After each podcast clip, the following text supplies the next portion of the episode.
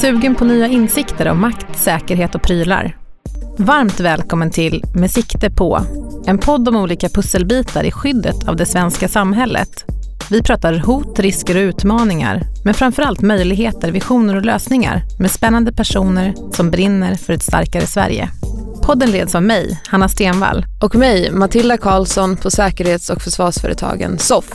Vi vill väcka ert intresse, lovar att försöka nå svar på relevanta frågor i heta ämnen och garanterar att vi ger er fler frågetecken att räta ut. Ställ in skärpan. Nu drar vi igång. Den som är i nöd ringer en genom mobiltelefon. För att kunna positionera rätt, hitta exakt var personen är. Tekniskt är det inte svårt, men lagligt har vi inte rätt att göra det. Och de är jättestora frågor. Idag träffar vi Maria Korsan som är VD för SOS Alarm. Hon har en rad VD-poster i bagaget och har tilldelats Hans Majestät Konungens medalj i åttonde storleken i Serafimerordens band för värdefulla insatser inom svenskt näringsliv. Hon är själv stolt över sin talang att läsa människor och den mångkulturella förmåga hon har utvecklat. Hennes passion för teknik som verktyg för människor att göra skillnad har tagit henne på resan från en digitaliserad vision som på 70-talet var nära science fiction till en nutid där kopplingen mellan människa och teknik är en framgångsfaktor. Välkommen Maria! Tack! Idag sitter vi här vid Donners plats i Visby och det är Almedalsveckan. Du har ett antal tunga positioner inom näringslivet i bagaget men med en tydlig koppling till teknik hela vägen. Dagens unga föds med tekniken och du är uppvuxen i Iran under 60-talet. Mm. Hur kommer det sig att tekniken haft en så stor del i ditt liv? Ja, det är en himla bra fråga. Jag för, upp till jag var i tonåren, ganska sent tonåren, jag tror ungefär 16-17, var jag övertygad om att jag ska bli en psykolog. Och mest driven utav den oerhörda passion och intresse som jag har för människor. Och det har jag fortfarande, det har jag alltid haft. Då var jag väldigt säker på att jag skulle bli psykolog och jobba med det. Och, och sen hände det något. Jag bodde i USA och skulle vara snart klar med min high school och välja väg då på college och universitet och nästa steg. Och på den tiden, en ny li, linje skulle startas då i, i amerikanska universitet i alla fall under namn uh, Computer Science som var helt ny på den tiden var det mest elektronik och fysik och, och lite IT. Lite var det inte så stort då. Men för att kunna rekrytera elever till den linjen då var en del av de här amerikanska universiteten i vår high school och skulle då kunna attrahera oss. Och de visade en film som verkligen fick mig att... Jag blev så fascinerad utav det. Därför det här är ju nu i 70-talet. Då visar de en film om en familj som skulle då eh, leva under år 2000. Alla förberedelserna för år 2000 som gjordes då. Och det var ett mamma, pappa, barn. Bodde i ett väldigt häftigt glashus. Och när deras barn skulle gå till skolan kom det här barnet i ett virtuellt klassrum som kunde se de andra eleverna Eh, på någon slags skärm. Och det var rörliga bilder och de kunde skicka dokument till varandra och kunde de, kunde de se en gemensam tavla och kunde de diskutera den och, och så samtidigt då när föräldrarna skulle till jobbet också något virtuellt eh, konferensrum var de kunde dela information och rörliga bilder och de skulle handla klick, klick och sen så kunde de välja matvaror och skulle de betala. Det, alltså visionerna för internet skulle läggas då. Och när jag såg den här filmen, det varade en timme, då blev jag så fascinerad utav det. Det fanns ingen annan väg. Då blev det teknik. Så det har varit drivkraften sedan dess, den fascinationen också från... Ja, att kunna skapa någonting annat. Var tekniken var ett medel. Egentligen tekniken är ingenting förutom ett medel för en utveckling till nästa steg. Och i det här fallet var digitalisera hela vår tillvaro. Det blev nästan allting i den här filmen blev verklighet. Inte allt, men nästan. Mm. Och jag är fullständigt övertygad om det var vi alla som byggde den. Och till saken hör, när jag skulle läsa den linjen, det började jag då att lära mig programmera på hålkort. Så var det. Ja, det här är ju 70-talet. Mm. Men vi, den resan som digitaliseringsresan som vi har haft hittills har varit fantastisk. Vi har skapat den själva. Ibland är det ju intressant att reflektera tillbaka. Det är vi själva som har gjort det. Och det är många som har varit med på den resan. Du har ju tidigare suttit med i regeringens IT-råd och, du har, och du jobbade då med frågan hur man ska lyckas attrahera unga människor att läsa teknik. Vilken är den viktigaste lärdomen du har tagit med dig från det uppdraget skulle du säga? Mm. Jag har faktiskt gjort ganska många sådana såna, uh, jobb. IT-rådet var ju mycket mer IT-strategierna för Sverige. Jag var i en annan råd som hette IT-delegationen. Var Leif Johansson var, var ordförande och det var rätt många personer som var med. Och det, det arbetet gjorde vi på tre år. Det var, hela syftet med det arbetet var att attrahera unga människor att läsa teknik. När vi jobbade med det, först när vi började egentligen kartlägga, vi gjorde väldigt mycket kartläggningar av hur det såg ut och, och försökte vi förstå egentligen både bakgrund och framåt.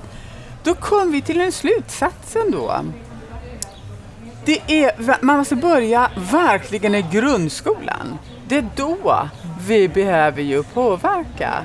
Och roliga är med det, när jag reflekterar nu, jag reflekterar på det ganska ofta, när jag reflekterar om det, det roliga med den är ju återigen, vad gör vi med tekniken? I grundskolan, jag kommer ihåg när vår dotter var så där liten.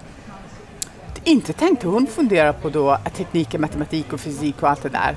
Egentligen, vad gör man med det som var intressanta? Det, det, för tekniken blir lätt ett sätt att göra det ta det till nästa steg. Det är då som det blir roligt. Det är inte fokusering på tekniken i sig, vad man gör med den som är ju intressanta och det är hela teknikdelegationen då gick ut på det. Jobbar vi tillräckligt med teknik idag tycker du? Nej, det tycker inte jag. Nej. Därför är utvecklingen som vi ser som går extremt mycket framåt i nästan i all fråga, alla frågor. Titta alla de här klimatrevolutionen som vi har jobbat med allihopa. Eh, eller transportindustrin har gått igenom och går genom en så stor förändring. Titta på kommunikation var, var mobiltelefonerna bara exploderade med tillväxten. Och så mycket mera. De här är ju bakomliggande mekanismen att göra det är ju teknikutvecklingen. Även om syftet är ju kommunikationer och transport, transport och klimatfrågor. Och, alltså, teknikutvecklingen är fantastiskt fortgående. Jag tycker, och i vårt vår, vår arbete på, på eh, teknik, eh, eller i teknikdelegationen var det en tydlig, klar bild att vi har för få ingenjörer. Mm. Vi har för få personer som läser och utbildar sig i teknik. Vi måste ha så många flera. Det är därför eh, kompetensinvandring är så viktig. Vi måste ha det. Så är teknik någonting som är attraktivt egentligen då? Eh, teknik är ju extremt attraktivt när man förstår vad man kan göra med det. Inte i sig. Därför i sig, eh, ofta vi tekniker då, jag är också en tekniker, när vi pratar om teknik blir vi så fascinerade, eh, fascinerade utav det.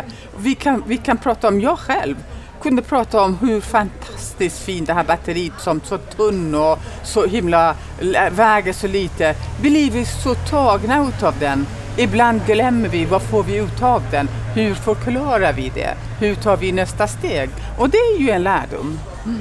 Så teknik är fantastisk, men man, vad man gör med det som är viktigast. Mm. Vi har ju pratat mångfald här tidigare under veckan, ja. du och jag. Eh, och idag är det ju framförallt killar som väljer att läsa tekniska utbildningar. Vi har för få ingenjörer som det ser ut, men det är framförallt killar som väljer. Varför är det så, tror du? Jag tror, även i högskolorna, i universiteten, jag, jag är väldigt akademiskt engagerad. Jag har varit den väldigt mycket tidigare med. Sitter i akademiska styrelser och sammanhang. Eh, jag tycker även där är vi för lite fokuserade för att berätta vad vi får ut av tekniken. Att tekniken är bara en mekanism, en medel. Vi är för, vi är för um, svaga på det. Vi gör inte det tillräckligt mycket. Mm, och, och, nu ska man inte generalisera, men man kan säga då våra kvinnliga talanger kanske kan vara mer attraherade utav att veta vad gör vi med tekniken? Mm. Och för att kunna attrahera yngre människor. Mm. Vilja läsa mera teknik, både män och kvinnor, som är, som är viktig. Jag, jag, jag har en annan fråga som, som jag brukar lyfta i sådana sammanhang. Som jag tycker kommer upp för, för sällan. Våra lärare. Hur viktigt det är att ha entusiasmerade, engagerade lärare som verkligen kan engagera sina elever. De är guld värda. Och jag tycker de ska vi hylla så mycket mer än vad vi gör idag. Därför prata om de riktigt duktiga äh, lärarna. De, har, äh, de, de, kan påverka våra barn så mycket. Där tycker jag vi ska lägga krut på. Och då ska vi börja tidigare där också såklart, för där har man också ja. svårt att attrahera ja. tillräckligt många helt enkelt som är kompetenta. Men jag funderar på, ofta så fokuseras det på att likriktningen är ett problem. Är det ett problem? Ja, det tycker jag. Uh, jag vill inte att det ska vara färre uh, män som läser teknik. Men jag skulle vilja att det var flera kvinnor som läser teknik. Och skälet jag säger att det, ja, det är ett problem, det har med mångfald att göra. Därför i, i våra tekniska utveckling som vi har, mera mångfald vi kan ha. Det kan vara etniska mångfald, det kan vara män och kvinnor och framförallt olika kunskapsområden. När jag tog mitt exempel i början om, om enorma intresse för människor, sen blev det så mycket teknik. Jag är ju extremt intresserad i människor fortfarande. Oerhört intresserad i teknik. Därför man kan säga att det har omfångat hela mitt liv. Men tänk på den kombinationen. Det är ju, då pratar vi om mångfald. Därför är det olika kunskapsområden som går hand i hand. Gift ihop eh, vård med teknik, då får vi helt nya tankar. Eller konst med teknik, får vi helt nya tankar. Även där som egentligen flera kvinnor, flera personer med etniska eh, eh, bakgrund och olika etniska bakgrund och flera personer med olika kunskapsområden som vi kan koppla ihop och skapa nya möjligheter utav den. tycker jag är jätteviktigt. Det surras väldigt mycket om påverkansoperationer eh, och det är ett högaktuellt ämne och det lär ju vara det inom er organisation också. Hur förhåller ni er till det?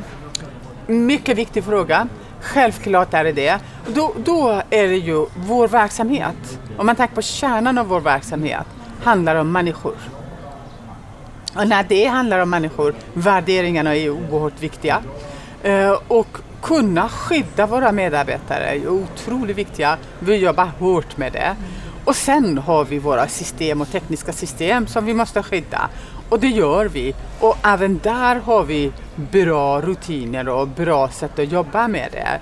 Men det som man får aldrig glömma, när det är påverkansoperationer och problematik som man måste skydda sig mot och alla de här måste man alltid gå tillbaka till. Vad är vår vision och vad är syftet med vår verksamhet? är ju tryggare Sverige för alla. Så inte nog vi behöver ju skydda vår egen verksamhet, våra egna medarbetare. Vårt syfte är ju att skapa tryggare Sverige för alla. Så vårt fält är ju alla som bor och vistas i Sverige. Och den trygghet, det, det, alltså skapa den trygghet, det är det vår, hela vår verksamhet går ut på. Hur skulle du säga att du upplevt att det är att ta sig fram i en extremt mansdominerad bransch? Har det varit svårt? Om jag säger till dig, jag har tänkt ganska lite om det, det kanske låter märkligt, men så är det. Jag har inte tänkt på det så mycket. Eh, jag till och med har fått frågor då, men gud Maria, du är allting som man ska inte vara. Du är ju, um, har en utländsk bakgrund. Men tänk på det där, första gången jag flyttade var jag bara 14 år. Då flyttade jag från Iran till USA.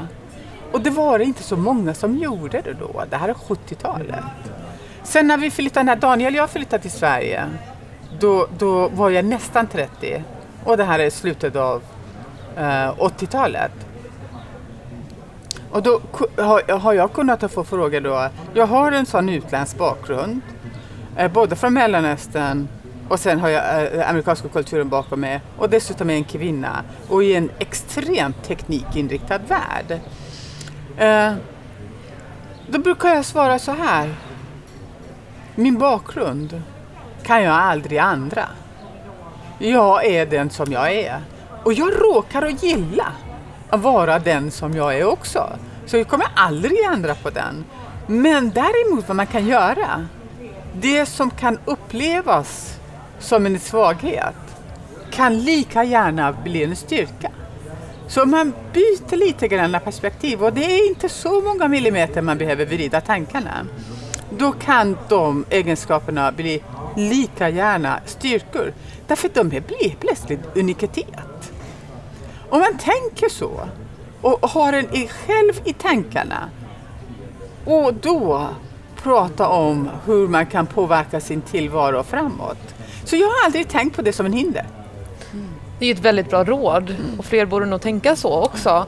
Har du några andra råd till unga kvinnor som vill satsa på tekniken och gärna jobba med tekniken och kanske gå samma väg som du har gjort? Våga, brukar jag alltid säga. Var inte rädd för det kan vara en sån hinder eller det andra hinder eller åh, matematiken den är så svår eller fysiken den är så svår. Det är inte så svårt. Det är ju egentligen ganska logiskt och enkelt. Att läsa människor är jättemycket svårare än tekniken. Så våga och ta steg. Man kan bara möjligen misslyckas, men chansen att lyckas är ju extremt mycket stö- större. Så våga är ju min, min största tips. Nu ska vi köra tio snabba. Du får tio ja och nej-frågor. Vill du utveckla så tar du det efteråt. Är du redo? Ja, Bra. Då kör vi. Är tekniken viktigare än människan? nej, Är Sverige en bra plattform för innovation? ja, Tycker du att vi ska ha kvotering? nej, Är du en bra förebild? ja, Är teknik farligt? nej, Står sig Sverige bra i den globala konkurrensen på teknikområdet? ja, Är män bättre på teknik än kvinnor? nej, Fokuserar man för mycket på integritet i Sverige? nej, Kommer vi att se robotar i larmcentralen i framtiden? ja, Är du en bra människokännare? ja, Skulle du vilja utveckla den här är tekniken viktigare än människan?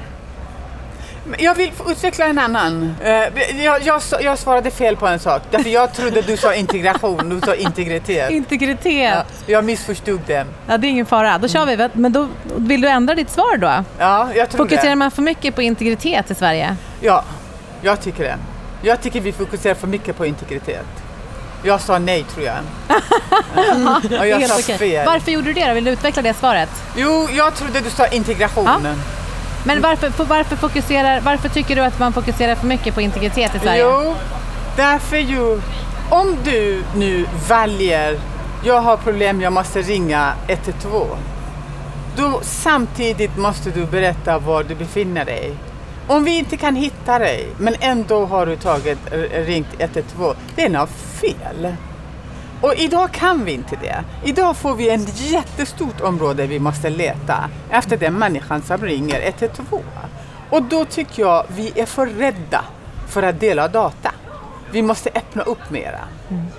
Det är därför jag tycker det. På den här är tekniken viktigare än människan?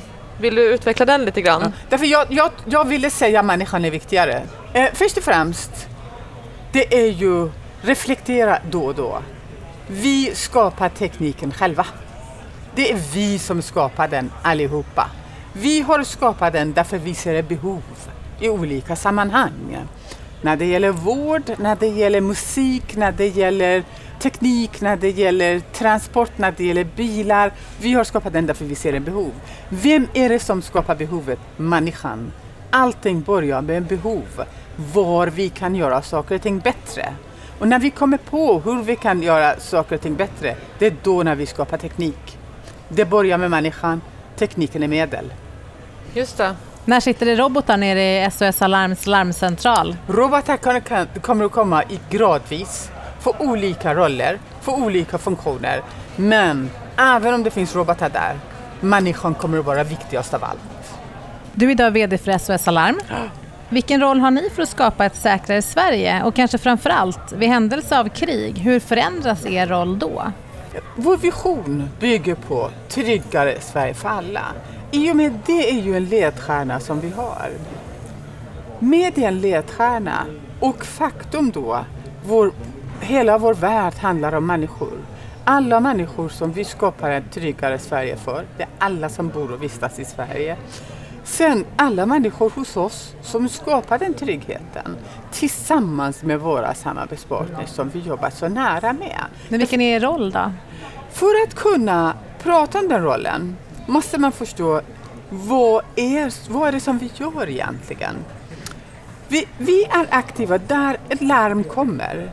Och det larm kan komma från någon som hämtar, tar en telefon och ringer 112, nödnumret. Eller kan det vara så en bil som, som larmar? Eller kan det vara en sensor i kroppen som larmar? Eller en infrastruktur eller social media? Ett larm, kom, ett larm kommer till och sen måste vi då identifiera den väldigt snabbt och, och, och bestämma vilka åtgärder är bäst och därmed kunna ta in de aktörer som är viktigast att ta med och säkerställa hjälpen är framme. Där har vi den största rollen. Att kunna hålla ihop hela, hela den processen och därmed navet som skapar trygghet och säkerhet. Att kunna säkerställa att vi kan göra det. Den viktigaste av allt, det gör vi inte själva. Det gör vi med andra samarbetspartners som vi har. Polisen, ambulansen, eh, sjöräddningen, eh, landstingen, vården och många, många flera som är med och skapar den tryggheten. Och det är, kunna jobba ihop inom ett samma IT-system så vi kan se varandra. Eh, nära och tätt kommunikation. Framför allt gemensam information som vi delar. Extremt viktigt. Vi är duktiga på en hel del av det. Vi har en hel del att göra när vi går framåt. Det finns exempel efter exempel. Arboga-morden. Det, eh, det, det som hände på Drottninggatan eh, för eh, ett antal veckor sedan. Bussolyckan i Sveg. Och det finns flera exempel. Bara tyder då samverkan är oerhört viktig. Hela larmbehandlingsprocessen måste hållas ihop. Oerhört viktig. Gemensam information, oerhört viktig. Och vi systematiskt ser varandra och jobbar nära ihop. Genom det tror jag vi kan skapa en tryggare Sverige för alla. Och hur förändras den rollen då i händelse av krig?